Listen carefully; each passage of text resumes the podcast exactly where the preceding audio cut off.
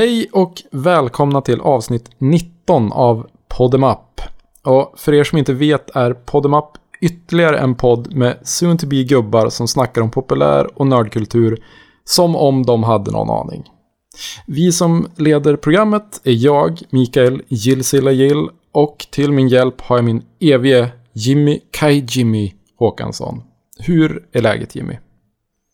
Ah, shit. Shit vad fint. Um, ja, men jag, jag mår bra nu. Särskilt jag fick den här komplimangen soon to be gubbe. uh, då vet jag att jag har lite ungdom kvar att krama ur ja. den här uh, gamla disktrösan jag kallar kropp. Ja, den såg du inte komma. Nej. Hur är det med dig då?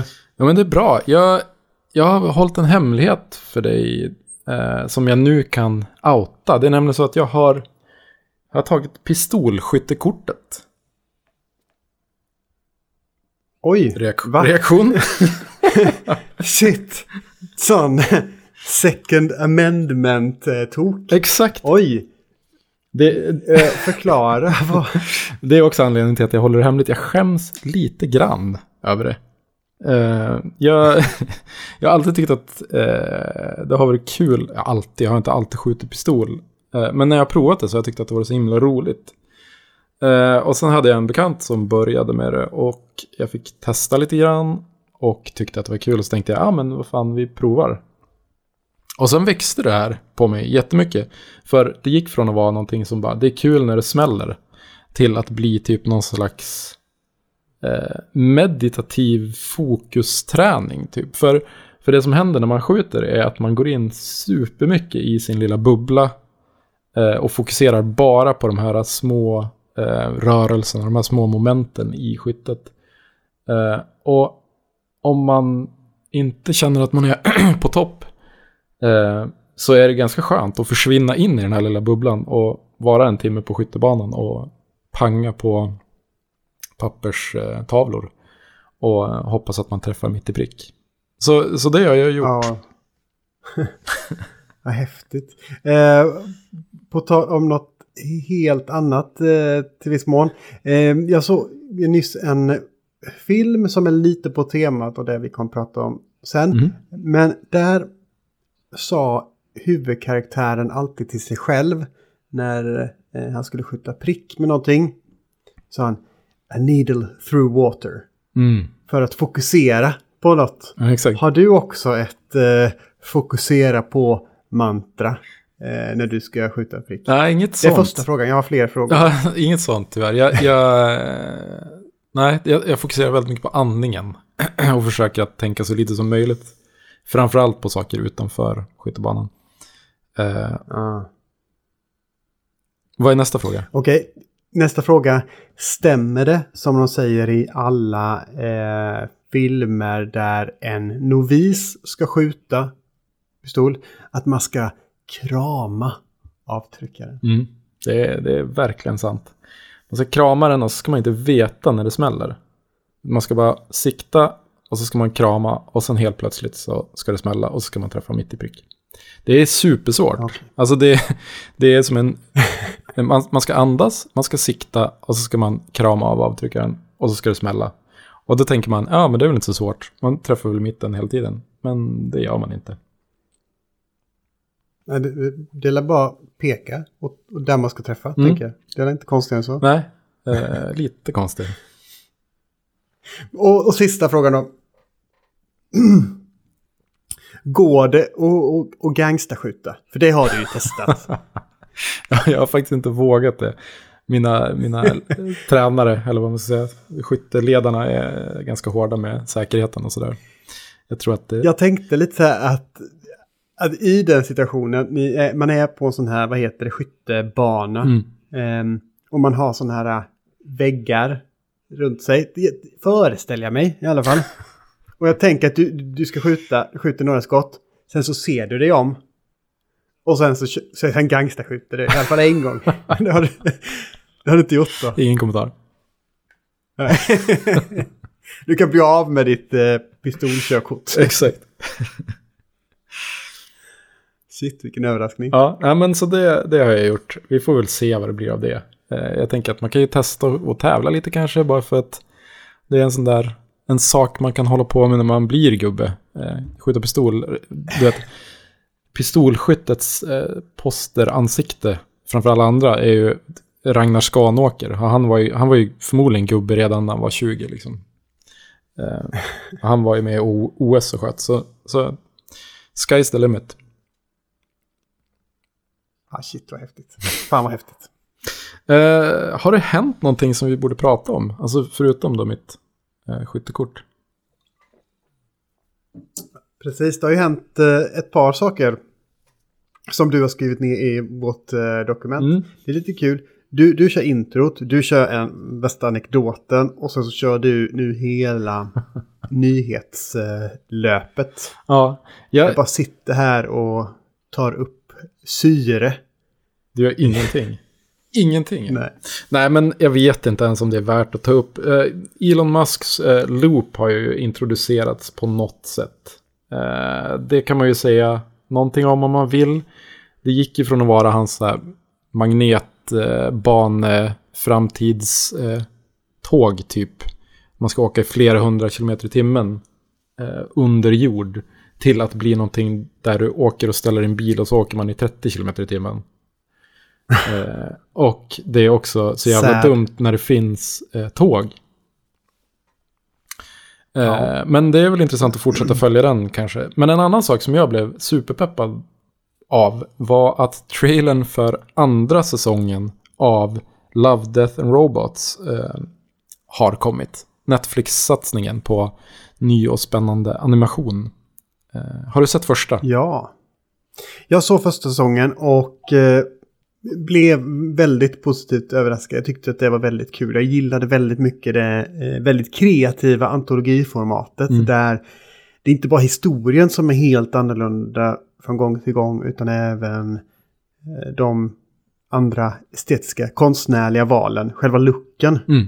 är ju annorlunda från gång till gång. Jag, jag tyckte det, det var en väldigt överraskning för mig. Jag hade inte några förväntningar överhuvudtaget och blev väldigt överraskad. Mm. Ja, jag tycker att det, var, att det var helt fantastiskt. Lite ojämnt kanske, men, men antologiformatet är som du säger supercoolt. Och jag vet inte, det känns ju som att alla som har varit med och gjort de här filmerna har fått ganska fria tyglar. Att bara, gör det ni vill typ. Och så har det blivit så också. Spretigt på ett superkul sätt. Um, Alberto Mielgo uh, är ju en av dem som var med och gjorde ett eh, eller en av de här filmerna till första säsongen. Han var ju också den som satte den visuella ribban för uh, Into the Spider-Verse. Och han är ju en mm. otrolig uh, konstnär som, uh, jag, som jag inte tror kommer vara med i säsong, säsong två tyvärr. Men jag hoppas att jag gör att man stiftar någon ny bekantskap med, med någon ny intressant. Verkligen. Jag läste en nyhet om just um, den här Love, Death and Robots Mest för att jag ville bara se själva trailern. Mm. Så jag bara googlade och gick in på första bästa sida för att kolla på trailern. Så såg jag att den är eh, bland annat producerad av David Fincher. Mm -hmm. Den serien. Okej. Okay. Eh, och det, det, är lite kul. Men vet du vad som var ännu mer roligt? Nej. Vet du vilken titel de använde i parentes för att förklara för läsaren vem David Fincher var? Nej. Alien 3. det är jättekonstigt. Ja, det var verkligen att, att sälja honom kort. Extremt. Det var, ja, det var, det var väldigt roligt tyckte jag. Ja, det måste vara, måste vara ett skämt. Ett internt skämt. Ja, ja, ja. jag, eh, trailern är också rolig för att den har, jag, jag, jag kom inte på var eh, musiken kommer ifrån. Och sen såg jag i någon av kommentarerna att det stod Hail Pigman. Nej, Payman. Så bara, ah, just det. Det är ju eh, Colin Stetson heter han, han som gjorde musiken till Hereditary. Det är från Hereditary-filmen. Jaha. Helt otroligt okay. soundtrack. Shit, det har jag inte tänkt på. Jag minns nog, jag kan inte placera Hereditary soundtracket heller faktiskt. Ja, men du kan lyssna på det sen och, och må lite dåligt. Jag vet inte om jag vill det, för jag mådde jättedåligt av att se filmen. så jag vet inte om jag vill bli påmind av den eh, otro... Det, det mästerverket till film. Men eh, nej, det var ju fasen. Det, det var jobbigt att se den filmen. Ja, den är vidrig. Men slutet blev man ju ändå lite glad av, eller? Ja, vi kan ta det någon annan gång kanske. Vi, Ja, vi, eh, vi ska ju inte bara... to each his own. Exakt. Vi ska ju inte bara snacka om sådana här grejer. Vi, vi har ju också två ämnen för det här avsnittet. Jag tänkte prata om fangames, eller fan-remakes. Eh, och du Jimmy, vad ska du prata om? Jag tänkte prata om stora monster.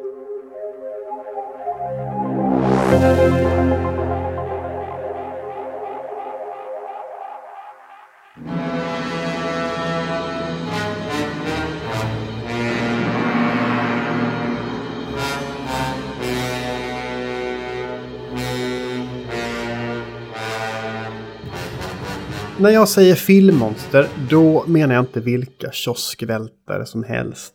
Jag snackar om skyskrapekrossare, metropolförintare och ödeläggare av civilisationer. För nu när Godzilla vs Kong går upp på bio, då tycker jag att det är läge att snacka stora monster. Jill, vad säger du när jag säger stora monster? Ja, shit, vad, vad ska man säga? Alltså, just när det kommer till monster så känns det ju som att storleken spelar ju faktiskt roll ändå. Eller åtminstone så är det ju att storleken på monstret kommunicerar ju eh, någonting alldeles, alldeles eget. Eh, jag, jag älskar ju stora monster och eh, liksom allt det som kommer med det uttrycket.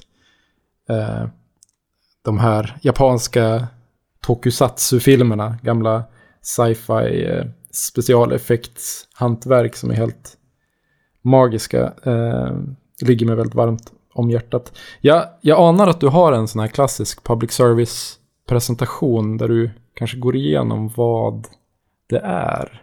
Jag, jag ser väldigt mycket fram emot att höra. du känner mig allt för väl. Eh, när, man, när man snackar om stora monster, då är det ju två stycken monster man tänker på. Eller hur? Mhm. Vilka är det jag snackar om? Eh, Du pratar ju om Godzilla och King Kong. Exakt. Och den som var först där, det var ju King Kong. Den första filmen eh, gick upp på bio 1933 och den var skriven av en Edgar Wallace och en Marion C. Cooper. Och det handlar i princip om ett gäng amerikanska imperialister som åker till Skull Island, en, en ja, främmande avlägsen ö. Och där finner de vad om inte en enorm apa som avgudas av de här um, citationstecken vildingarna som bor på den här ön.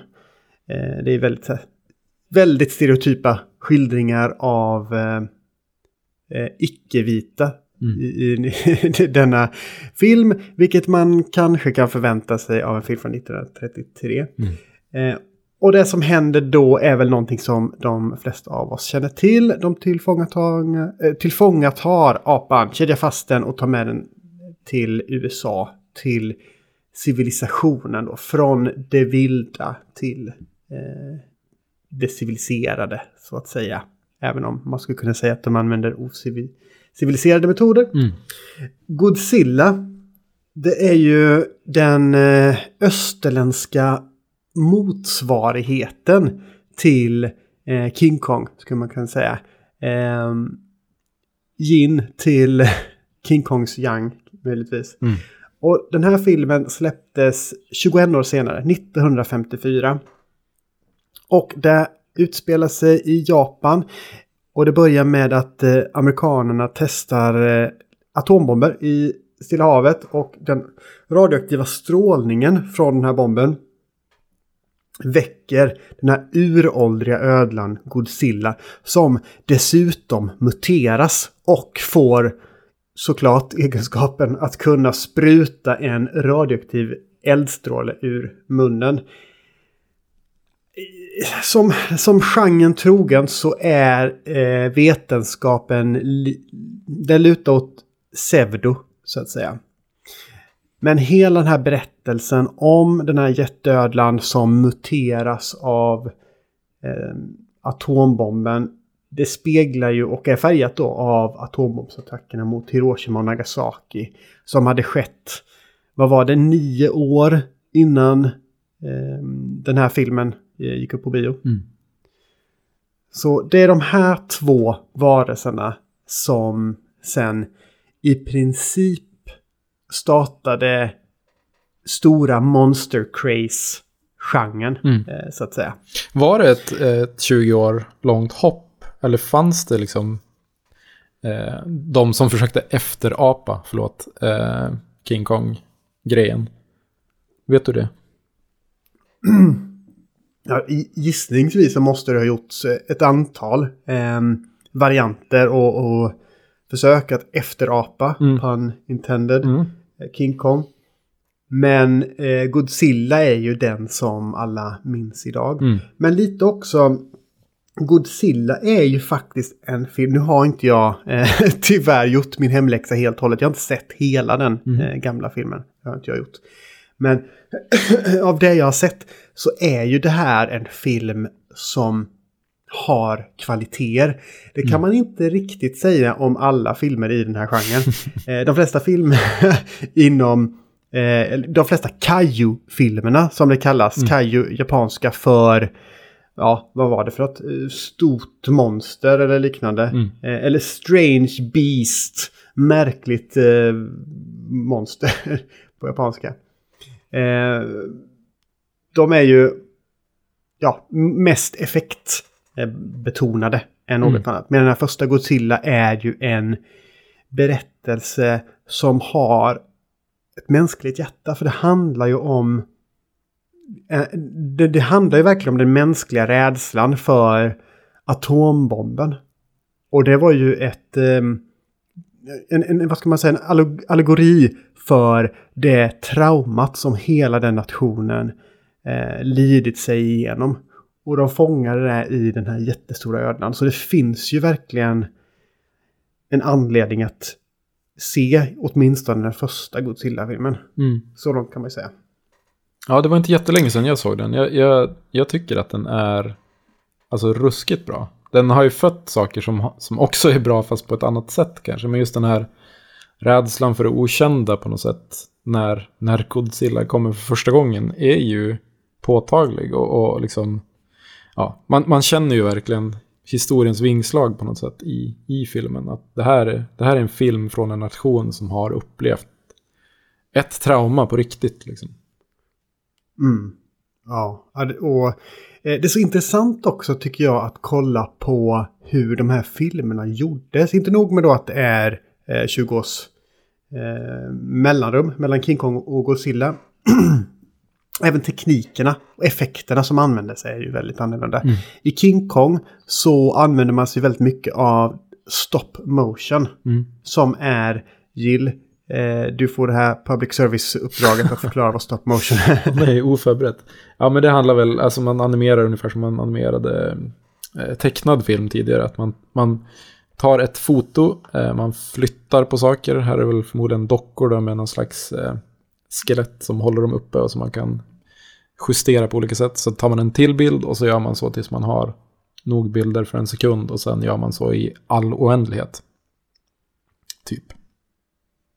Ja, men med all oändlighet cirka 12 bilder i, i sekunden. Ja. De har ju ofta en eh, väldigt eh, ryckig kvalitet. Ehm, Ja, det var väl så, så man gjorde eh, specialeffekter av den här graden på den tiden. Nu finns det ju modern stop motion också som en, som en stil typ. Eh, Laika gör ju sånt och det finns, det finns ett par tv-spel eller datorspel som använder stop motion animation också. Men då var det ju så, det var ju så man gjorde det, 1933 liksom.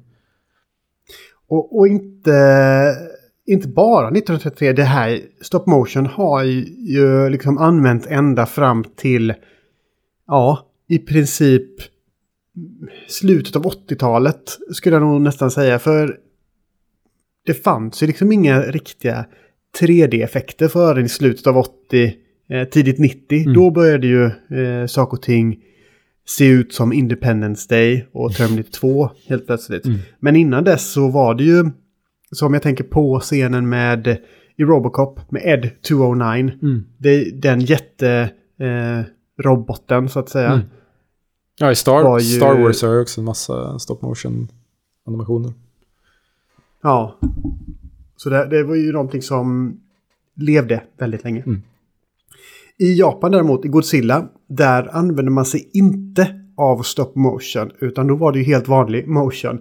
Då, använde man, då tog de ju fram en cirka 90 kilo tung dräkt till eh, den här skådespelaren som eh, fick äran att ta den på sig. Det intressanta med den var ju att den gick ju inte att gå i överhuvudtaget eftersom den var ju extremt tung. Mm. Ehm, så filmen är ju anpassad därefter. Ursäkta. Prosit. Nej men så man har ju fått bygga runt eh, detta. Och, och ja, Ja, det är, fan, det är fantastiskt kul. Jag minns inte vad han heter nu, den skådisen som, som hade på sig den här Godzilla-dräkten. Eh, men att läsa om, om honom och hur otroligt seriös han var. Hur, hur seriöst han gick in i rollen som Godzilla. Han spelade väl andra också, eh, tror jag. Eh, men det var Ja, verkligen... han spelade flera, ehm, flera... I flera Godzilla-filmer var han med. Mm. Ja, men att, att se hans här stolthet över att bära den här dräkten och, och göra den bästa Godzilla på något sätt som han kunde. Ja, shit. De gjorde ju väldigt många intressanta kreativa lösningar. Exempelvis, det finns ju någon scen där ehm, Godzilla sprutar eld på den här radio... Eller radioaktiv, vad heter det? Elstängsel. Mm. Eh, och då får de ju se till att då smälter de här, det här elstängslet på ett väldigt liksom snyggt sätt. Mm. Eh, och då fick jag höra i efterhand att elstängslet var gjord av vax som de hade målat. Ehm, och sen så använde de bara typ en hårfön. så de blåste på det tills det liksom smälte. Ja. Eh, och det finns många sådana kreativa lösningar. Och jag tänkte ställa dig en fråga. ehm, en oförberedd fråga. Oj då. Och, och det är nämligen så här att eh, Godzilla har ju en em, vad ska man säga, ganska distinkt röst. Eller Mm. distinkt skrik. Ja. Det, får du, det får du klippa in här, Jill. ja. Hur tror du att de fick till det lätet? Oj. Eh, det, det borde jag ha läst någonstans. Jag, jag tänker att det är någon så här uh, köksattiraljer som gnids mot varandra eller någonting. Ja, eller typ klämma en katt i en garagedörr. eller något. Nej, men berätta. Jo, de tog ett par plasthandskar. Eh, jag tror det var plasthandskar, kan ha varit läderhandskar, jag vet inte. Ett par handskar i alla fall. Mm. Som de drog över typ en basfiol eller cello. Wow. Själva strängen liksom. Aha. Och, och det låter jättekonstigt, men när man hör lätet och tänker på det så, ja, shit, det, det låter exakt som just det. Ja, det måste jag prova sen eh, efter det här. du får skaffa en cello. Jag, jag fixar handsken. Ja, grymt. 50-50. Men Godzilla och eh, King Kong, de spawned a monster, som Morrissey skulle ha sagt. och det blir ju ganska många eh, andra eh, varelser. Mm. Har du någon liksom, favoritvarelse? Eh, jag har, eh, det här har jag förberett. Eh, jag har skrivit upp några stycken, både från Godzilla-universumet och från andra. Men om vi ska prata om just Godzilla så tycker jag nog att King Ghidorah, eh, det är nog min absoluta favorit. Eh, en gyllene rymddrake med tre huvuden. Som är supercool. Jag tycker också att Hedora är cool. Han är någon slags smogmonster. Eller hon, jag, jag vet faktiskt inte könet. Godzilla är väl en är hon hona? Eller är det bara amerikanska? Skitsamma. Just det, i 1998 Matthew Broderick-versionen så är det väl en hona. Men jag tror inte att... Jag vet inte riktigt om, om, om det... Det känns som att det är en icke-binär varelse, Mm. men jag vet inte. Ja, det är kanske en icke-fråga också för det här ämnet. Men en annan favorit som jag har är, är Gamera. Gamera. Som ju var någon slags, eh, alltså ett konkurrerande filmbolags eh, konkurrent, eller så här, variant av Godzilla. Eh, den skapades, det är som en jätte, jättestor sköldpadda typ. Och den skapades när amerikanska och sovjetiskt stridsflyg sköt på varandra och sen exploderade en atombomb och så blev den här jätte, eh, jättesköldpaddan. Det är som lite pajigare än, än Godzilla, men, men superskärmigt ändå. Eh, Gamera kan till exempel dra in bakbenen i skalet och, och så skjuta ut raketstrålar så, så den kan flyga. Ja, det är klart. Det är ju, jag, jag tänker, he, hela den origin-berättelsen låter som en sån här, och låt det vara en läxa. Gör inte det här igen. För då blir det radioaktiva sköldpaddor. Men, eh, nej men, och sen de, de absolut snyggaste monstren har jag faktiskt hittat i eh, så här, Ultraman-universumet. Uh, Ultraman är lite typ som, som Power Rangers, typ fast back in the day. Eh, där finns det ju helt otroliga, för det, det gick ju verkligen liksom, det, det blev bara för mycket monster till slut. Det, de blev allt galnare de här, hur de såg ut. Men, men om man typ bildgooglar Pygmon eller Garramon eller något så här, då kan man få se några riktigt härliga Ultraman kaijus. Har, har du några egna favoriter? jo, jo, men det har jag. Ehm, och jag, några som kanske inte riktigt är favoriter, men jag gillar liksom det otroliga kitschvärdet i det. det är ju alla de här um, Asylum-filmerna. Mm. Det är väl Asylum som man gjorde, de här Sharknado och allt vad det heter. Ja, visst var det. Ehm, och där gillar jag ju varelsen Sharktopus. Eftersom det är bland det roligaste eh, namnet jag har. Sharktopus. Ehm, det är lite som den här, vad heter det? Det här måste ju du känna igen. Ehm, den här serietecknaren som blandade två olika eh, personer för att det skulle liksom bli en, en, en hybrid av dem. Ja, just det. Alltså den här ny, den svenska Galago-personen. Ja. jag minns ju inte namnet nu förstås. Men lite som typ såhär Robocopra Winfrey. Exakt. Det är Så också jättebra. jävla bra. ja, Shark, Sharktopus är verkligen den, den grejen. Det är lite så här, ja, men, min dåliga humor.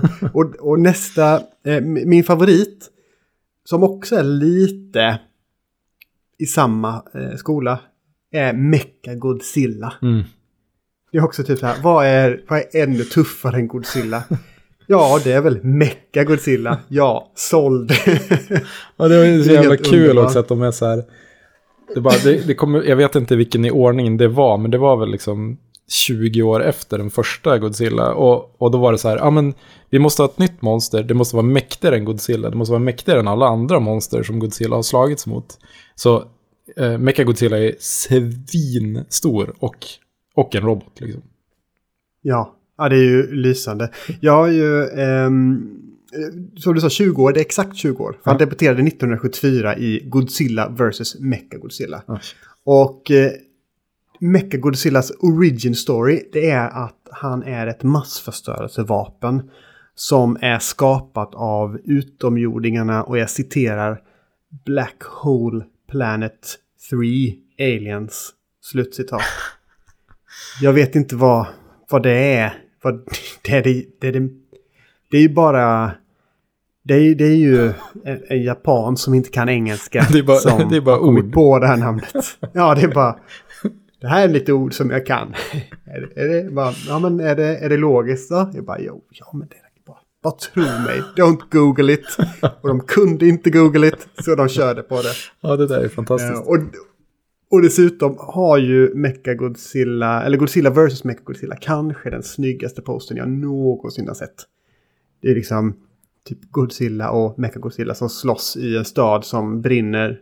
Folk skriker i, i, i förgrunden och de sprutar radioaktivt eld och laser ur varandras munnar. Ja. Det är bara...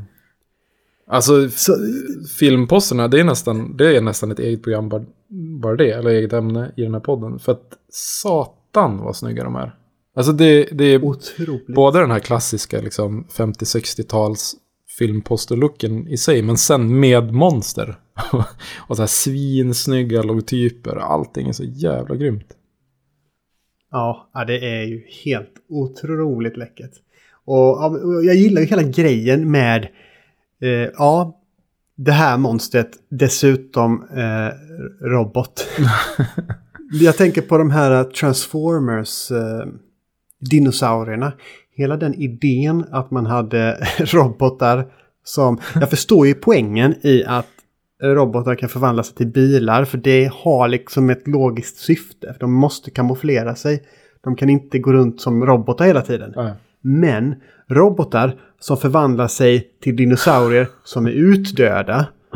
Eh, och dessutom inte ser ut som dinosaurier utan ser ut som robotdinosaurier.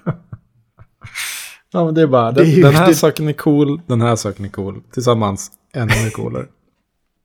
Ja, det är faktiskt... Det är sant. Men det är roligt eh, med de här monstren för att en sån här klassisk, eh, ett klassiskt monster från Godzilla-serien som ju kom ganska tidigt också var ju eh, Mothra.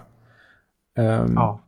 Den här eh, typ fjärilen, eller vad det är, som är en larv först och sen blir utvecklas och blir en flygande skräcköd, eller skräcködla är det inte, skräck eh, sak.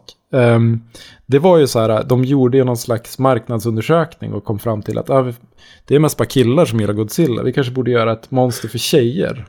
Och så blev det Mothra, som, som är en gullig fjäril. Men också ett eh, ja. fruktansvärt monster. Så, och, men, men Mothra är väl i, i... Om man ska använda eh, Dungeons and Dragons-skalan. Den är väl ändå sådär... Lutar väl åt eh, good ändå. Neutral good eller något liknande. Absolut. För hon brukar väl ändå vara...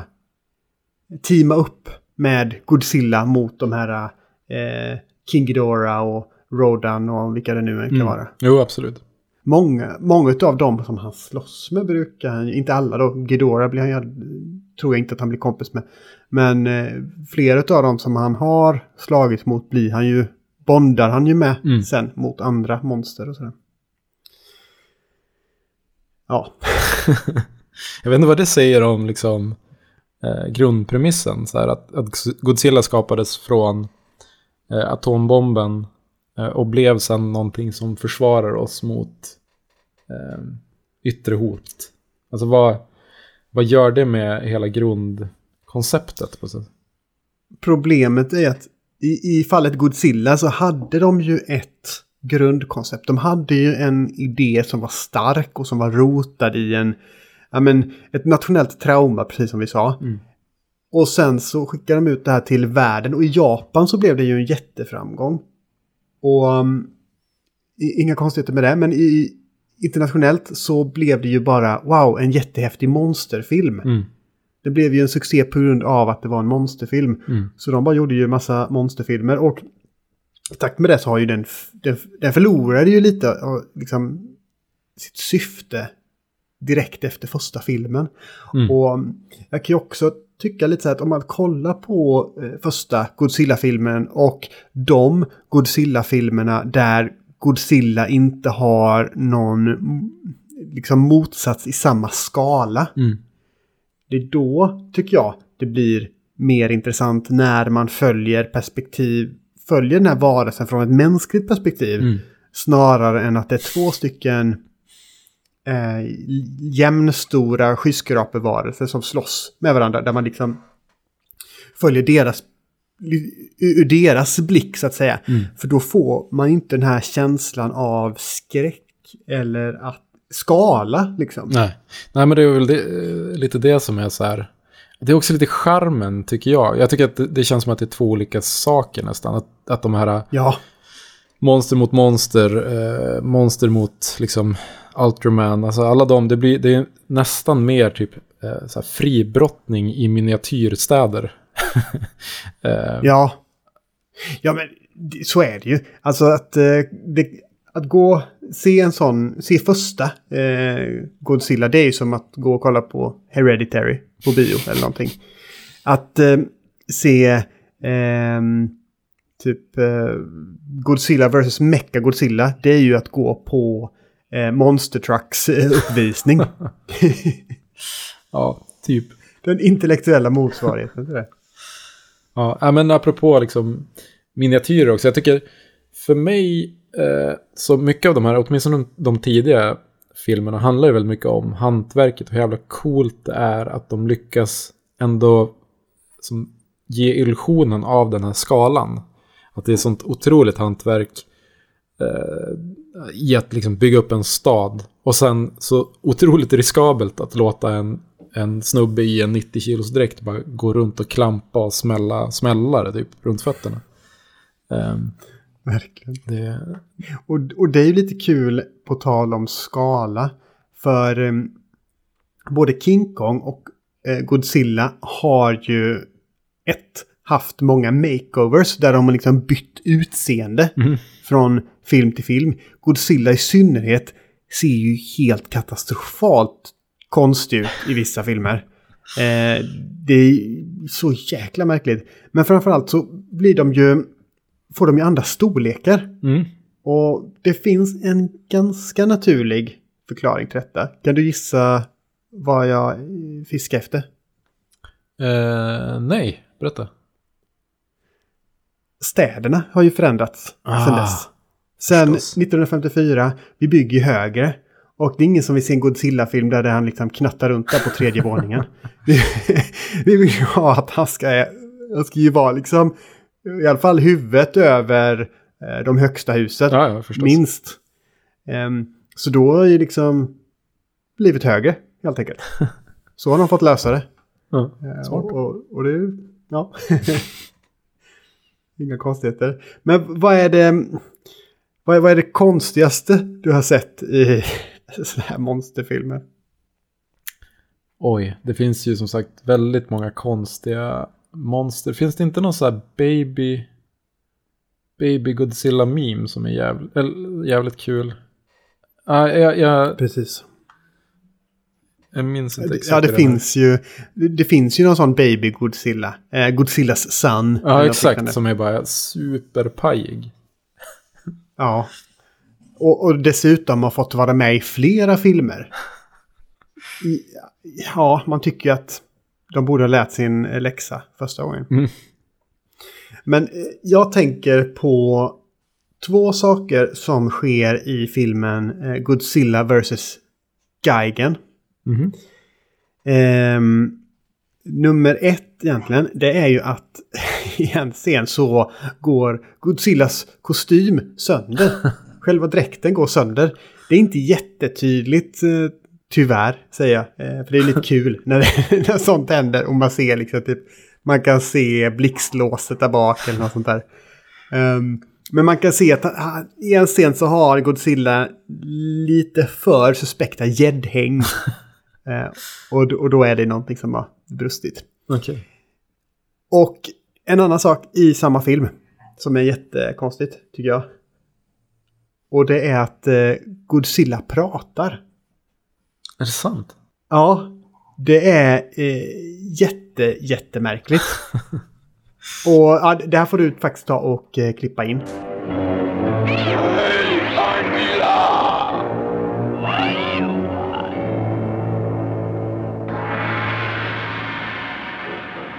Something funny going on. You better check. Utöver King Kong och Godzilla och de här typiska monsterrullarna. Har du några favoriter som du skulle vilja rekommendera? Eh, ja, jag har funderat på det här lite grann och jag tänkte att jag ska inte gå in på några av de klassiska filmerna. Jag tycker att det finns ett gäng, alltså framförallt 60-tals filmer som är riktigt bra. Eh, men jag tänkte jag ska ta några lite modernare grejer.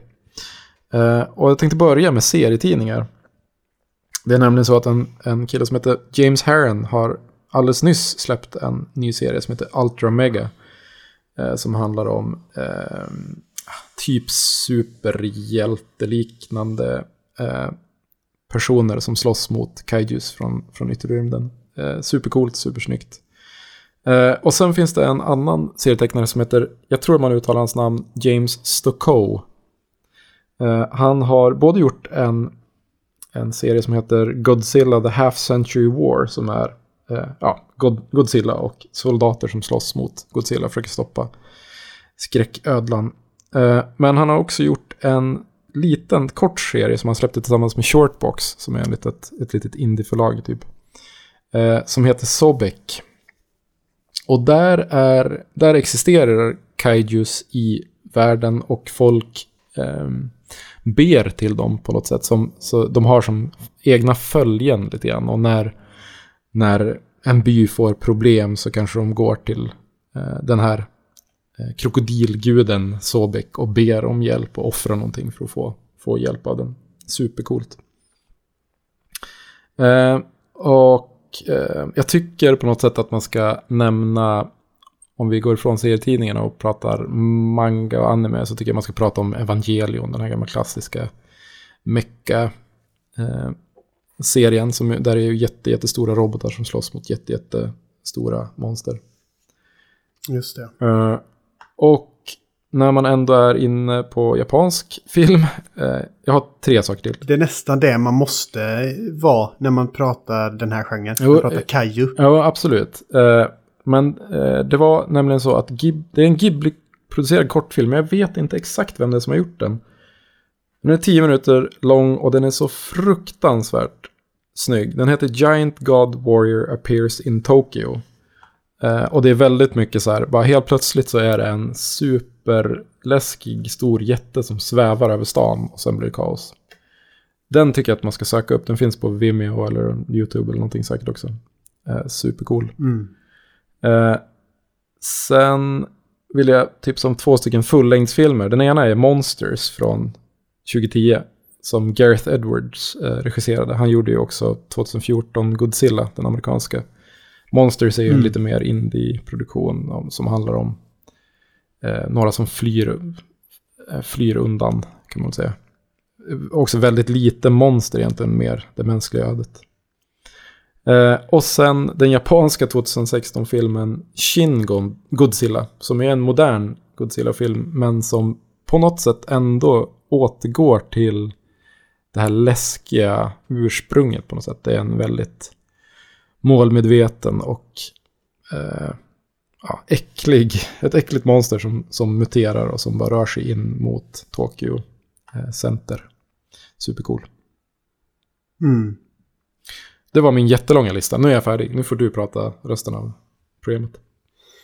Ja, ehm, det finns ju väldigt många filmer som man kan nämna. Eh, liksom Cloverfield, Pacific Rim, även Hotet från underjorden är ju en superklassiker. Mm. Men eh, det, det jag ändå skulle vilja lyfta fram det är nog den gamla klassikern Jason and the Argonauts från 1963. Jag Wow. vet att du också minns den. Ehm, den var ju, ja, den är hämtad från grekiska mytologin, Mm. vill jag minnas. Och där jobbar man ju väldigt mycket med stop motion monster, cykloper och, och statyer som kommer till liv. Och det är jättar verkligen. Mm. Och jag har inte sett den här filmen på oerhört länge. Men jag minns att jag såg den flera gånger som barn och jag tyckte ju att det var så otroligt läskigt när de här varelserna kom till liv. För de hade ju någonting väldigt obehagligt över sig. Till viss del tror jag tack vare den här stop motion grejen som gjorde att de blev ryckiga och väldigt omänskliga och onaturliga i sitt sätt att, att röra sig. Mm. Eh, Men det, var, det är en film som verkligen lyckas fånga skalan av de här varelserna. Ja, den är helt, helt Eh. otrolig. Alltså. Ja, eh, superbra. En annan film som jag eh, varmt rekommenderar och som både är obehaglig och lite mysig. Det är den här norska filmen Trollhunter. Eh, som släpptes för, vad kan det vara, typ en tio år sedan. Och sånt där. Jag minns inte riktigt. Mm. Men det är ju troll eh, i stil med, vad heter den här, eh, vad heter den här konstnären som ritade troll, målade troll? Bauer. Ja, John Bauer. eh, precis. John Bauer-troll. Det är ju verkligen den typen av troll med stora näsor och långt hår. Mm. Och, ehm, Den är, den är väldigt härlig. Eh, man, man har den lite så här eh, ro, romantiska trollbilden fast på ett väldigt makabert sätt. Eh, den kan jag varmt rekommendera. Liksom eh, Bong Joon-Hos sjöodjursfilm The Host. Just det. Och Bong Joon-Ho har ju gjort eh, filmer som eh, ja, Parasit, som han senast då fick en Oscar för. Eh, och han har gjort väldigt många intressanta och eh, roliga filmer. Liksom, han hoppar ju mellan olika genrer eh, väldigt sömlöst. Så det här tycker jag definitivt man ska kolla upp. Och om man är ute efter väldigt, väldigt stora monster med en lite annorlunda take, då är ju också One Punch Man rätt bra. Ja, shit. För där, det är ju väldigt eh, kul. För där, det, där är ju jätte, jättemonster som är, ehm, ser ut som gudar i princip. Det är så här Cthulhu-varelser som är enorma. Och sen så kommer den här Saitam och slår till dem en gång och så eh, exploderar de och han går uttråkad därifrån. ja, det, Helt otroligt. det ska man givetvis se. När, när jag, eh, jag googlade lite, eh, googlade, det är som man researchar, eh, nämligen, eh, inför det här. Och så upptäckte jag, det ska finnas en dansk-producerad kaiju-film. Känner du till det här? Nej, Rep- jag har tydligen inte googlat tillräckligt. Reptilicus heter den tror jag. Jag har inte sett den, men jag, jag tyckte att det lät helt fantastiskt. Jag, det, jag tror att det var en dansk-amerikansk produktion. Eh, men det låter ju nästan för bra för att vara sant. Ja, det låter ju nästan som något vi borde, borde se inför ett kommande avsnitt. Verkligen. Eh, Dansk kaiju-film. det är ett bra ämne. Ganska smalt. ja. Det har inte hindrat oss för. Eh, Men det är ju mycket, det är mycket fjanteri och det är mycket kitsch med den här typen av filmer. Men det finns ju, det finns ju ett mörker i dem också. Jag tänker på King Kong. Någonting som har förföljt den här varelsen ända sedan han skapades i princip. Det var ju att King Kong kändes ju redan då som en rasistisk nidbild. Eh, för det är ju verkligen eh, skildringen där de åker till det här främmande landet, fångar in honom och tar honom till den här civiliserade världen. Det, ja, det är ju en allegori för slavhandel, helt Mm. klart. Eh, vare sig skaparen vill det eller inte. Och eh, enligt eh, den här vad heter Meridian Cooper själv, han sa ju att nej men det här han förnekade att eh, King Kong hade rasistiska undertoner. Det var inte någonting som han menade. Men eh, det, det är ju ganska tydligt att hela den här berättelsen och den här varelsen är ju väldigt färgad av sin tid. Mm. För ser man, eh, nästan oavsett vilken King Kong-film man ser, så känns det ju ganska uppenbart att det handlar om allt från slavhandel till eh, rasöverskridande kärleksförhållanden som var så supertabu Mm. på den tiden.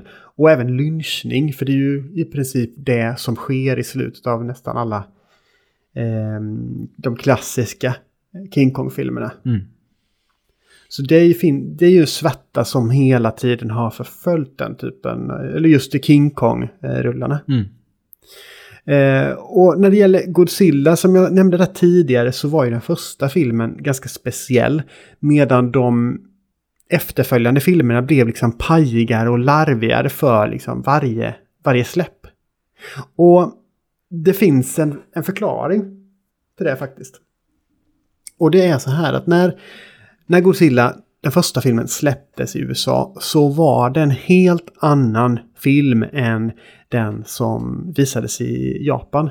I Japan såg man en film som visserligen handlade om det här jättemonstret, men det handlade också om en myndighet som eh, försökte censurera eh, och liksom hemlighålla hela, hela den här, eh, det här monstret. Men också så handlade det om, eh, vad ska man säga, ja men det var ju en allegori för atombomben och det som hela det här landet hade upplevt och eh, lidit sig igenom. Mm. När eh, USA fick tag på den här rullen så tänkte de, ja men vi, ska bara göra lite ändringar, sen så funkar den alldeles utmärkt eh, till vår publik. De gjorde som så att de filmade i flera extra scener för att skohorna in en amerikansk vit reporterhjälte som då rapporterar om den här förstörelsen som, då, som sker i, i, i Tokyo. Och de klippte bort väldigt många scener ur originalet som var väldigt viktiga för Mm. berättelsen. Flera andra viktiga scener där eh, man talar japanska lämnades helt oöversatta. Så man förstod inte riktigt vad det handlade om. Eh, så helt, helt plötsligt så eh, gick det från att vara en eh, USA-kritisk film eh, till att bli ja, en, en liksom ja, nästan nästan till eh, patriotisk creature feature. Mm. Och hela eh, det anslaget, den tonaliteten har ju tyvärr ekat i alla efterföljande Godzilla-filmer. Mer eller mindre alla de stora Godzilla-filmerna åtminstone.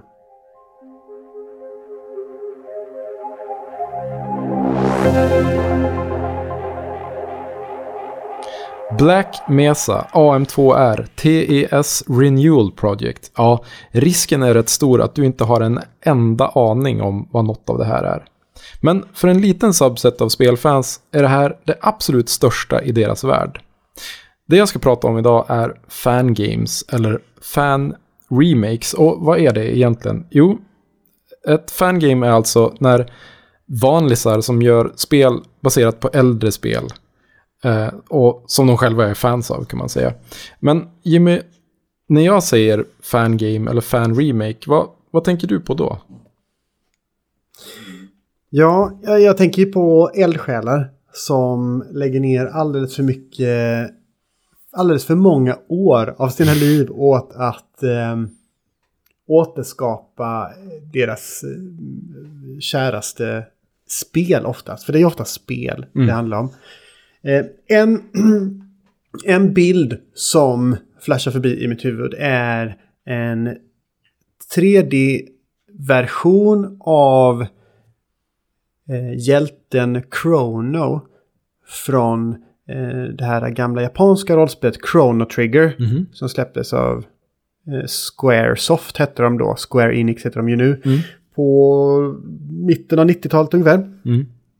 Och de som har spelat och känner till Chrono Trigger vet ju att det här är ju ett Super Nintendo-spel. Så det är ju ett tvådimensionellt, eh, väldigt vackert tvådimensionellt eh, spel. Mm.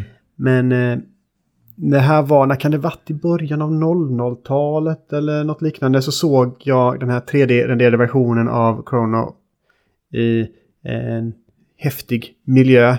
Och så stod det någonting om att ja, men det är några fans som håller på och gör Chrono Trigger fast 3D. Och, och ja, jag tyckte det var super, superspännande. Sen har jag inte hört någonting sen, sen dess. Gissningsvis så fick de väl ett sånt season desist brev. Eh, och sen så idag skulle jag kanske inte riktigt bli lika imponerad av att de tar ett, eh, väldigt, ett av de vackraste 2D-spelen som någonsin gjorts och gör generisk 3D av det. Nej. Det, det har ju spelutvecklare lyckats rätt bra själva med. Ja. Nej, men det, det är ju en fin linje och, och en ganska stor så här linje, om man ska säga, mellan fanart och det som vi kommer att prata om lite mer, alltså fangames eller fan-remakes. För att det finns ju i alla tider såklart har ju folk försökt tolka sina favoritkaraktärer, oavsett om det är eh, från Chrono Trigger eller, eller liksom Lara Croft eller Super Mario eller vem det nu kan vara. Eh, nu för tiden så existerar det ju hur mycket som helst eh, sådana här grejer. Att någon har bara hittat häftiga assets eh, och har Unreal installerat och så har de gjort en bana från Halo liksom, eh, som de flyger igenom och filmar. Kolla, så här skulle Halo kunna se ut om det var gjort 2021. Eh, men, och det är ju supercoolt på sitt sätt. Men det som är så himla mäktigt med fangames är ju att det här är faktiskt oftast väldigt seriösa och ganska stora projekt där man eh, vill göra egna tolkningar av sina gamla favoritspel. Eh, och ett av de kanske mest kända och ett av de också, kanske ett av de få med som ett lyckligt slut är ju det här eh, spelet som kallas för Black Mesa. Eh, har du spelat det? Jag har inte det, men jag, jag vill det. Men jag har inte riktigt haft en hyfsad speldator på väldigt, väldigt många år. Så det har passerat mig förbi. Men precis som du säger, det som är så himla unikt med just det här spelet var ju att originalutvecklarna tyckte att det här var toppen. Mm. Det sker ju, eh, det sker ju aldrig annars. Det är väldigt sällan. Och det var originalutvecklaren är ju då Valve och det kan ju bero på att det är de också som har en lite annan syn på eh, utveckling överlag. Sådär. Uh, för det Black Mesa är i alla fall, det är ju en ny version av original Half-Life fast byggd med Half-Life 2-motorn, alltså Source Engine. Uh, och det kom först som en mod eh, uh, 2012. Och sen fortsatte de arbeta på det här i åtta år till tror jag. Och det släpptes som ett fullständigt spel 2020. Och Valve gav liksom sin, sin välsignelse för, för de här utvecklarna att sälja spelet på Steam också. Och det är ett supercoolt spel eh, som ju, eh, det ser ju, alltså 2012-versionen ser ju väldigt gammal ut förstås. 2020-versionen är, är också fort, liksom lite ålderstigen den med. Det är ju trots allt, ja vad blir det nu, 23 år. Första Half-Life kom 98 va? Så det är ju, det, är ju, det var ju gammalt då, det var inte gammalt då när det kom. Det, det var ju gammalt 2012 eh, och eh, det har ju, tiden har ju sprungit vidare så att säga. Verkligen. Eh, mycket av de här fanmakesen är ju exakt den grejen, att man vill uppdatera det spel som man, eh, som man älskar jättemycket med en ny motor. Det finns ju till exempel det här enorma projektet som kallas för TES Renewal Projects, alltså The Elder Scrolls eh, eh, åter, eller remake, fan, fandrivna remakes av Elder Scrolls-spel. Morrowind, Oblivion, allt vad de heter, har översatts till Skyrim-motorn tror jag. Så det finns en, ett Skywind-projekt och ett Skyblivion tror jag det heter. Eh, där det är massvis med fans som liksom uppdaterar assets, eh, de skriver eh, ny, nya manus, de spelar in ny, ny, ny dialog. Alltså det är så fruktansvärt stort. Eh, och risken med de här projekten, eftersom det är folk som gör det på fritiden, det är att de håller på, de utvecklas under så lång tid så att när de väl kommer ut så är det nästan dags att börja åter eh, liksom remakea dem för att de har Mm. varit under arbete så länge.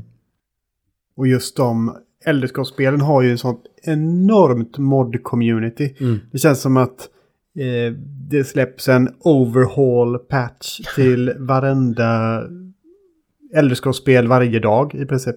Ja, verkligen. Man kan ju garanterat hitta så här raytracing-moddar för, för alla de där spelen.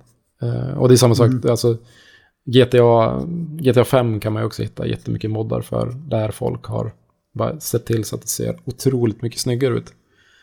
Eh, men, men det här, eh, just de här Elder Scrolls-projekten känns som att det är så mycket mer än bara kolla, det glittrar fint i vattnet. Det, det är liksom enorma eh, projekt vi snackar om. Ehm, ha- har du något, liksom, någon favorit fan-remake eller fangame? Oh, ja, det har jag. Mhm. jag. Jag älskar Another Metroid 2 Remake. Mm.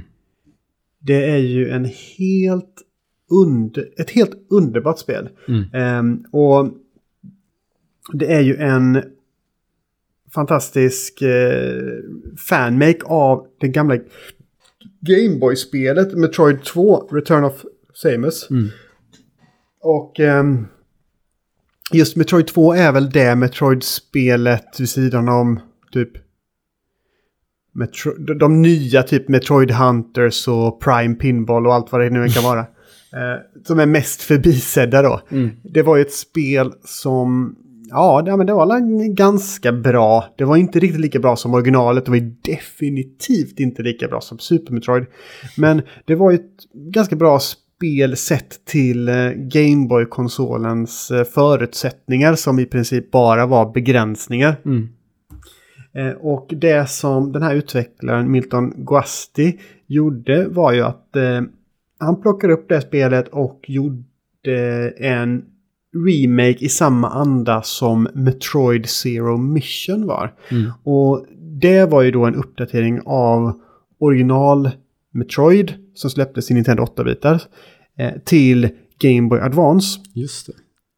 Och det är ju också en av de bästa remakes som Mm. har gjort. Det vill säga officiella Mm. ehm, uppdateringar av ett, av ett gammalt spel. Men Another Metroid 2 Remake är ju... ah, Alltså det är ju ett av de absolut bästa eh, 2D Metroid-spelen som jag någonsin har spelat. Det är så fantastiskt välgjort. Ja, det är supercoolt, verkligen. Men eh, du säger att du har spelat det. Eh, om man vill spela det här spelet, går det att göra det nu? Eh, Egentligen inte. För det är det som är det ro roliga och roliga. Det sorgliga var ju att eh, han hade ju jobbat på det här spelet i cirka tio år ungefär. Han hade under tiden, jag tror att han hade kontaktat eh, Nintendo eh, angående det här. Mm. Eh, eller så blandade ihop det med ett annat spel som jag också tänkt nämna. Eh, men i alla fall. Spelet släpptes och han blev omedelbart kontaktad av Nintendo som sa att det här får du inte hålla på med. Bort med det här spelet. Så han fick ju plocka ner det från sin hemsida. Men eh, internet minns. Så det går ju att hitta det här spelet på eh, andra vägar. Mm. Och jag skulle väl faktiskt, man ska inte rekommendera att folk gör olagliga saker, men om man fick det så skulle jag säga att eh, det här ska ni spela. Ja, såklart. Det här är- alltså, det, det, Det är, är jävligt bra. det är superkonstigt på något sätt att göra... Alltså den här, det här förhållningssättet som Nintendo har och som flera andra företag också har när det gäller fanmakes tycker jag är så himla konstigt. För att det är ju... Eh, all, eller som jag ser det, bara byggt på kärlek till det de... Alltså de spel som, som Nintendo då, i det här fallet har släppt. Ja, det, det märkliga i sammanhanget är ju att jag tror det var i året efter som eh, Another Metroid 2 Remake släpptes.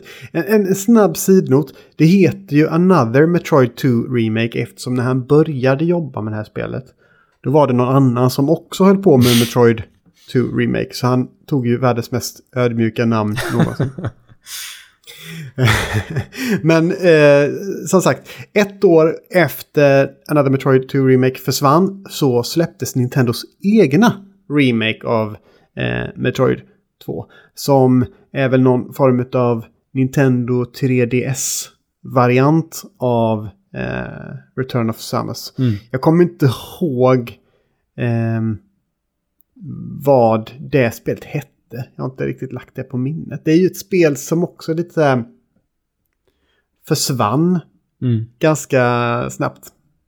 Ja, jag vet inte riktigt varför. Jag kan inte säga varför, för jag har inte spelat det. Nej, jag, jag blev helt ointresserad av det för att det var i 3D. Jag tycker att 2D-grejen, det gör så, gör så himla mycket. Eller det var ju någon så här falsk 2D. Eller eh, 3D Ja, menar jag. 2,5D. Ja, som ja, precis som det brukar kallas. av någon anledning kallades. Ehm, så, så det tyckte jag var helt ointressant just därför. Men, men ehm, ja, det här var ju superintressant. Men uh, Guasti, förlåt för uttalet, jag vet inte hur man säger hans namn. Men, men han som skapade det här spelet, han gick ju ändå inte helt lottlös. För, förutom att Nej. han då blev nominerad vid, vid Game Awards 2016 för AM2R.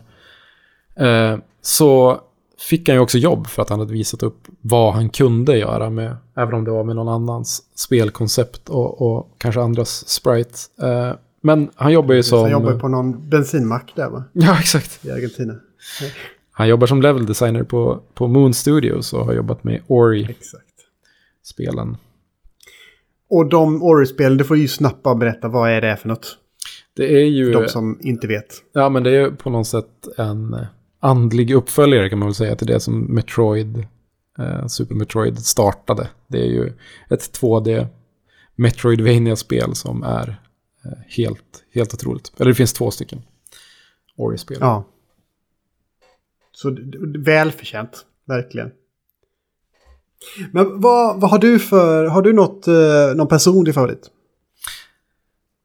Ja, jag tycker ju väldigt mycket om Black Mesa för att jag tycker väldigt mycket om Half-Life-spelen. Eh, jag tycker också att det här Golden Eye Source som kom för, ja vad kan det vara då?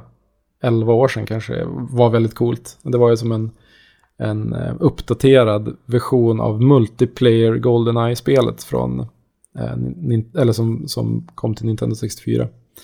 Eh, och det var ju också ett spel som gjordes i Source Engine, alltså Valves spelmotor. Det tycker jag är väldigt coolt. Men, men sen har jag också snubblat på ett, ett nytt projekt som, som är under utveckling just nu och som kom med ett demo för inte så länge sedan. Och som av en händelse så är det också ett Eh, knutet till Metroid-universumet. Det är ett spel som heter Prime 2D. Eh, och det är alltså en, det man kallar för en demake. Vilket är att du tar ett spel som till exempel då i det här fallet Metroid Prime som kom 2002, 2003 till GameCube. Och så gör du det som om du gjorde det på 90-talet. Man demakar det alltså. Eh, och Prime 2D är då precis som titeln skvallrar om en 2D-version av Metroid Prime som var det första 3D Metroid-spelet som kom. Eh, och det är ett gäng, precis som vanligt, gräsrötter som gör, bara ett, en lös sammansättning människor som har jobbat med det här eh, till och från under ganska lång period. Jag lyckades få tag på eh, en av grafikerna i, i teamet som gör det här spelet, som bor i Skellefteå och vill vara lite halvanonym sådär, precis som alla andra i projektet. Och intervjuade Mm. honom till eh, nästa nummer av Nöjesguiden som borde vara ute när som helst, om det inte redan är det. Åh, spännande. Det var superkul och liksom verkligen den här tanken om att eh, ja, skapa glädjen och, och kärleken till Metroid-serien och, och, och de här spelen som man älskat när man var yngre. Att man vill göra någonting kreativt av det. Man, man nöjer sig inte med att spela igenom det igen utan man vill pay tribute på något annat sätt. Liksom. Och, och då gör man det med all sin fritid. Typ. Det, det tycker jag är super, supermäktigt faktiskt.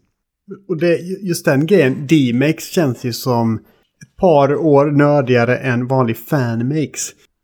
gränserna mellan vad som är vad är ju, eh, är ju lite luddiga så här. Men, men det finns ju det finns en homebrew-scen som är väldigt intressant där folk liksom gör, gör och släpper eh, 8-bitars NES-spel fortfarande som ofta är ja, men, homager till äldre spelserier och sådär. Eh, jag vet att Ed Freeze, heter han så, eh, en gammal Microsoft-chef, han, han gjorde ju ett Halo för eh, Atari 2600 som kom ut någon gång Oj. på 00-talet. Ja. Och det är förstås ospelbart liksom, men, men ändå ett eh, roligt projekt. Jag vet inte liksom vad... Visst är det väl bara kärleken som, som kan vara drivkraften för något sånt här. När, när liksom faran att få ett season desist, en stämningsansökan, alltid hänger över en för att man gör något sånt här. Ja, det är ju någon form av dumdristig dödsdrift. Mm. Eh, Jag, ett spel som jag kommer ihåg var ju eh, det här fanversionen av Streets of Rage. Mm. Ehm, Då var det ju någon som kallade sig själv för Bomberlink. Eh, hen ägnade åtta år att återskapa eh, det här spelet från scratch. Eh, jag läser ett citat som jag skrivit ner här. Eh, It does not use reverse engineering nor a single line of code from the original games. It's all based on visual interpretation. Mm. Och alltså, spelar ett spel och bara, "Jaha, jag ska, jag ska bara göra den här, eh, göra en remake av den här versionen till, så man kan spela på moderna PC-datorer i princip. Ehm, åtta år la han på detta. Och det var, eh, jag, jag vet inte ifall det, han slog samman alla eh, Streets of Rage-spelen. Jag misstänker nästan det. Mm. Eh, för det var typ över 100 banor och det var eh, typ 19 spelbara karaktärer, 64 fiender, 76 Så. olika låtar på soundtracket. Eh, som var remixade av fem stycken olika musiker. Jag har inte memorerat allt det här, jag har skrivit ner alla de här siffrorna. Ehm, och under tiden så har han liksom bara skickat mejl till Sega och säger hej, jag håller på med ett litet eh, kärleksprojekt eh, tillägnat eh, ert spel.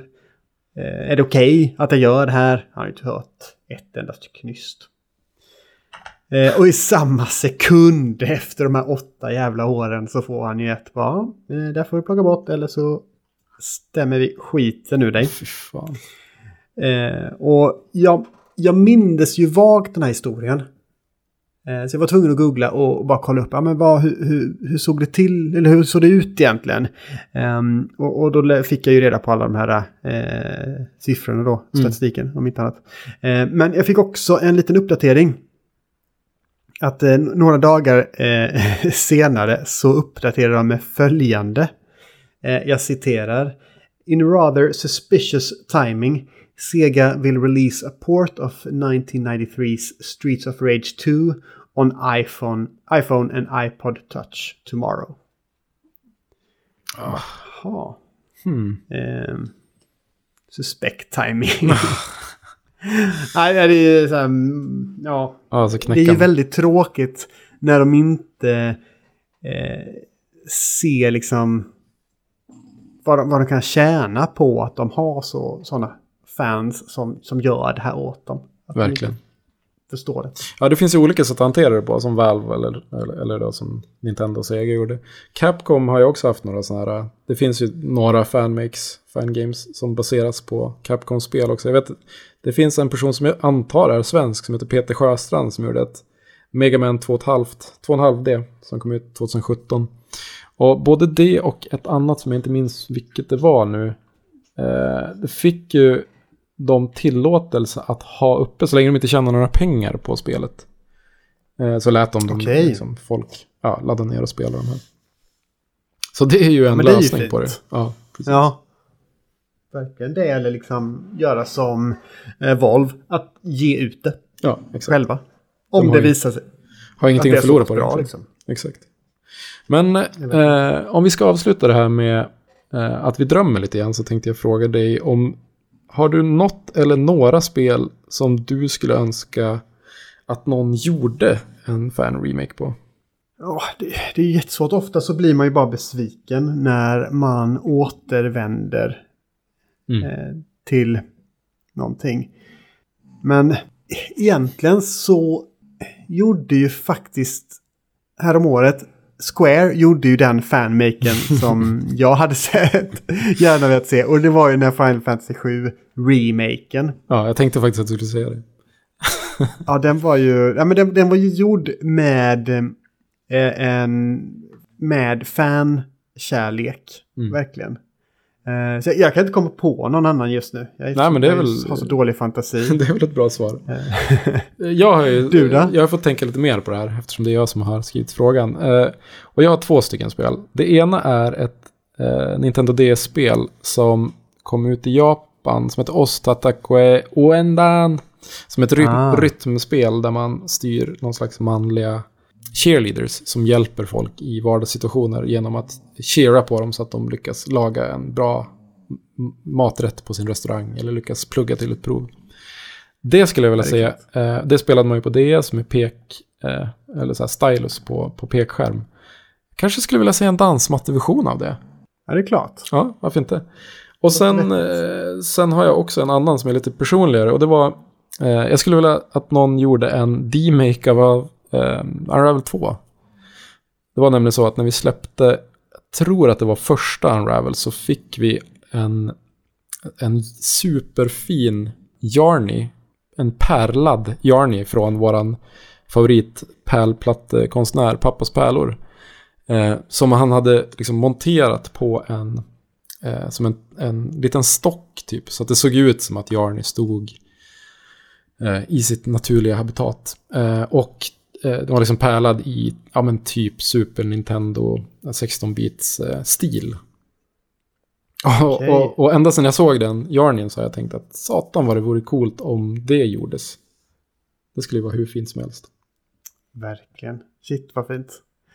Jag tänker, det är mycket fysik och sånt i, det här spelet. Mm. Eh, Undrar, undrar om det hade blivit begränsat om man ska använda sig av de, den faktiska hårdvaran. Ja, det tror jag. Jag tror att det skulle bli riktigt svårt. Du skulle behöva använda de här superchippen som, som kom i senare spel. Som, där liksom en del av hårdvaran var i spelkassetten.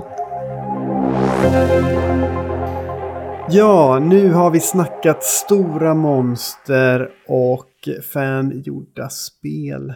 Men nu tycker jag att vi rundar av och Snacka lite om vad vi gillar just nu. Mikael Gill, vad gillar du? Gill gillar Eh, Umeå har ju äntligen fått vår. Eh, våren har nått oss, eller för, för några dagar i alla fall. Eh, och vad gör man väl hellre på våren än att sitta ute i solen och läsa bok? Eh, ja, ingenting. Eh, tycker jag. Eh, och då har jag passat på att ta tag i en bok som jag köpte förra året men inte har börjat läsa än. Nämligen Äkta hela vägen. Eh, biografin som Erik Niva och Martin Mutumba har skrivit. Martin Mutumba var ju fotbollsspelare som vann SM-guld med AIK som eh, tatuerade eh, SM-guld, två lax nio på magen innan matchen som avgjorde allting. Eh, en otrolig karaktär, otrolig fotbollsspelare och otrolig kämpe för orten. Han eh, beskriver sig själv som en jävla unge när han var liten. Och, och liksom, man, man får följa hela hans väg från det till den här spralliga talangen och, och via liksom kriminaliteten och, och, hela vägen till landslagsfotbollen. Eh, Erik Niva har hjälpt till att skriva den här boken och han skriver så här i förordet. Martin var inte först med att ta bollen till orten, men han var definitivt den första som tog orten till fotbollen. Och det finns verkligen ett före och efter Mutumba på något sätt i svensk fotboll. Och det, man får se lite av det, det i den här boken. Jag tycker också man kan lyssna på Erik Nivas podd uh, When We Were Kings, uh, eh, AIK-avsnittet. Där de mm. pratar en hel del om det. Super, superbra bok. Det går att lyssna på Jag den som, som ljudbok också. Man, man får ja. höra Martin själv. Det, det kan också eh, rekommenderas. Eh, ja, jag, låter det här passera helt eh, oemotsagt eftersom jag inte kan säga någonting om det här. Eh, behålla någon form av trovärdighet. Men vad gillar du då? Gillar ett starkt ord i det här sammanhanget. Men jag har sett en alldeles utmärkt dokumentärserie eller eh, ja, videoessä. Nästan mm. lite grann som eh, du, du, såg för några avsnitt sedan. Mm. Eh, och det är Raoul Pecks dokumentärserie Exterminate All the Brutes. Mm. Som är då baserat på Sven Lindqvists snart 30 år gamla eh, bok. Utrota varenda jävel. Som handlar om ja, folkmord i princip. Mm. Och eh, hur det har varit typ eh, en, en, en naturlig del av den europeiska civilisationen. Mm. I princip. Det är en väldigt väldigt stark och väldigt mörk historia om hur eh, folkmord har eh, förföljt oss och, och, i synnerhet i samband med eh, imperialism och att man liksom koloniserar eh, länder som man inte bör, som man inte kan göra anspråk på, men ändå har gjort det. Och i samband med detta ansett sig vara för mer än de som faktiskt bor där. Mm. Och tycker sig att eh, de här människorna är, in, är mindre värda. Och själva uttrycket exterminate all the brutes kommer ifrån Josef, Josef Konrads roman Mörkrets hjärta, Heart of Darkness. För då är det ju eh, den här eh, generalen Kurtz mm. som, som säger det att att den europeiska civilisationens uppgift i världen är exterminate all the brutes. Och det, och det har man ju tyvärr sett eh, både i liksom när eh, ja, Belgien och Frankrike med flera har koloniserat stora delar av Afrika och när, när man, man citat upptäckte Amerika. eh, som, det, som redan var bebodd. Det är som att komma hem till dig och säga jaha, här har jag upptäckt en hel lägenhet med massa grejer. Ja, det är ju mitt nu. Och så står du mesta och undrar, ja, okej. Okay. Mm. Um, och nu har inte jag läst Utrota varenda jävel, den boken. Men tesen är ju där, som jag har förstått, att det handlar lite om att ja, men förintelsen är ju ingen unik företeelse. Nej. Utan det är ju bara en en, eh, eh, vad ska man säga? en pärla i en, en lång pärlhalsband i princip av Mm. diverse olika förintelser som ägt rum. Eh, även om den, just den förintelsen var ju verkligen industriell skala. Ja, Ehm, riktigt vidrig. eh, Bra men vidrig bok. Jag har inte sett serien än, jag är supersugen på den. Jag, visst, det, den är ganska personlig, eller personligt framställd också. Visst finns det inslag av, av Peck själv? Ja. Det, det finns det.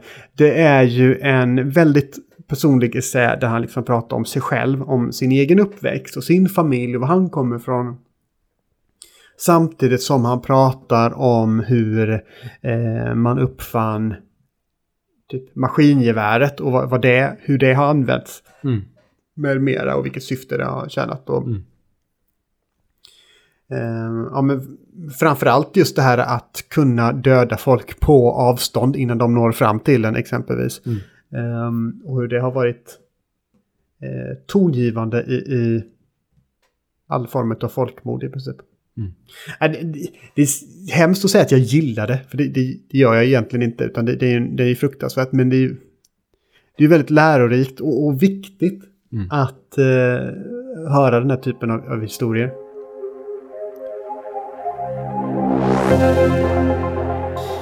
Eh, vi finns ju också på internet. Eh, Twitter och Instagram. Att på Upcast.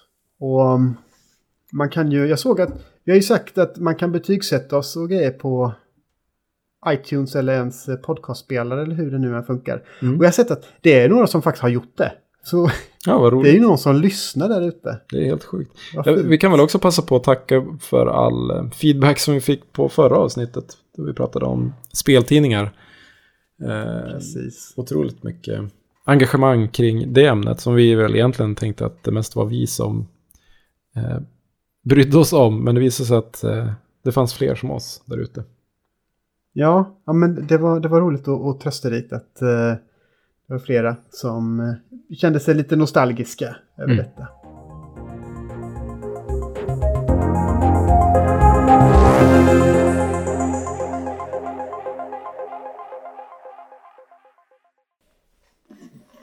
Kan du sjunga introt så att jag kommer i lite stämning? Eh, jag kan inte ens komma ihåg när det går. Du kan, du kan göra det här ljudet. Du behöver. Perfekt. Ditt, ditt, ditt, ditt, ditt, ditt, ditt. Eget intro. Kaiju-introt.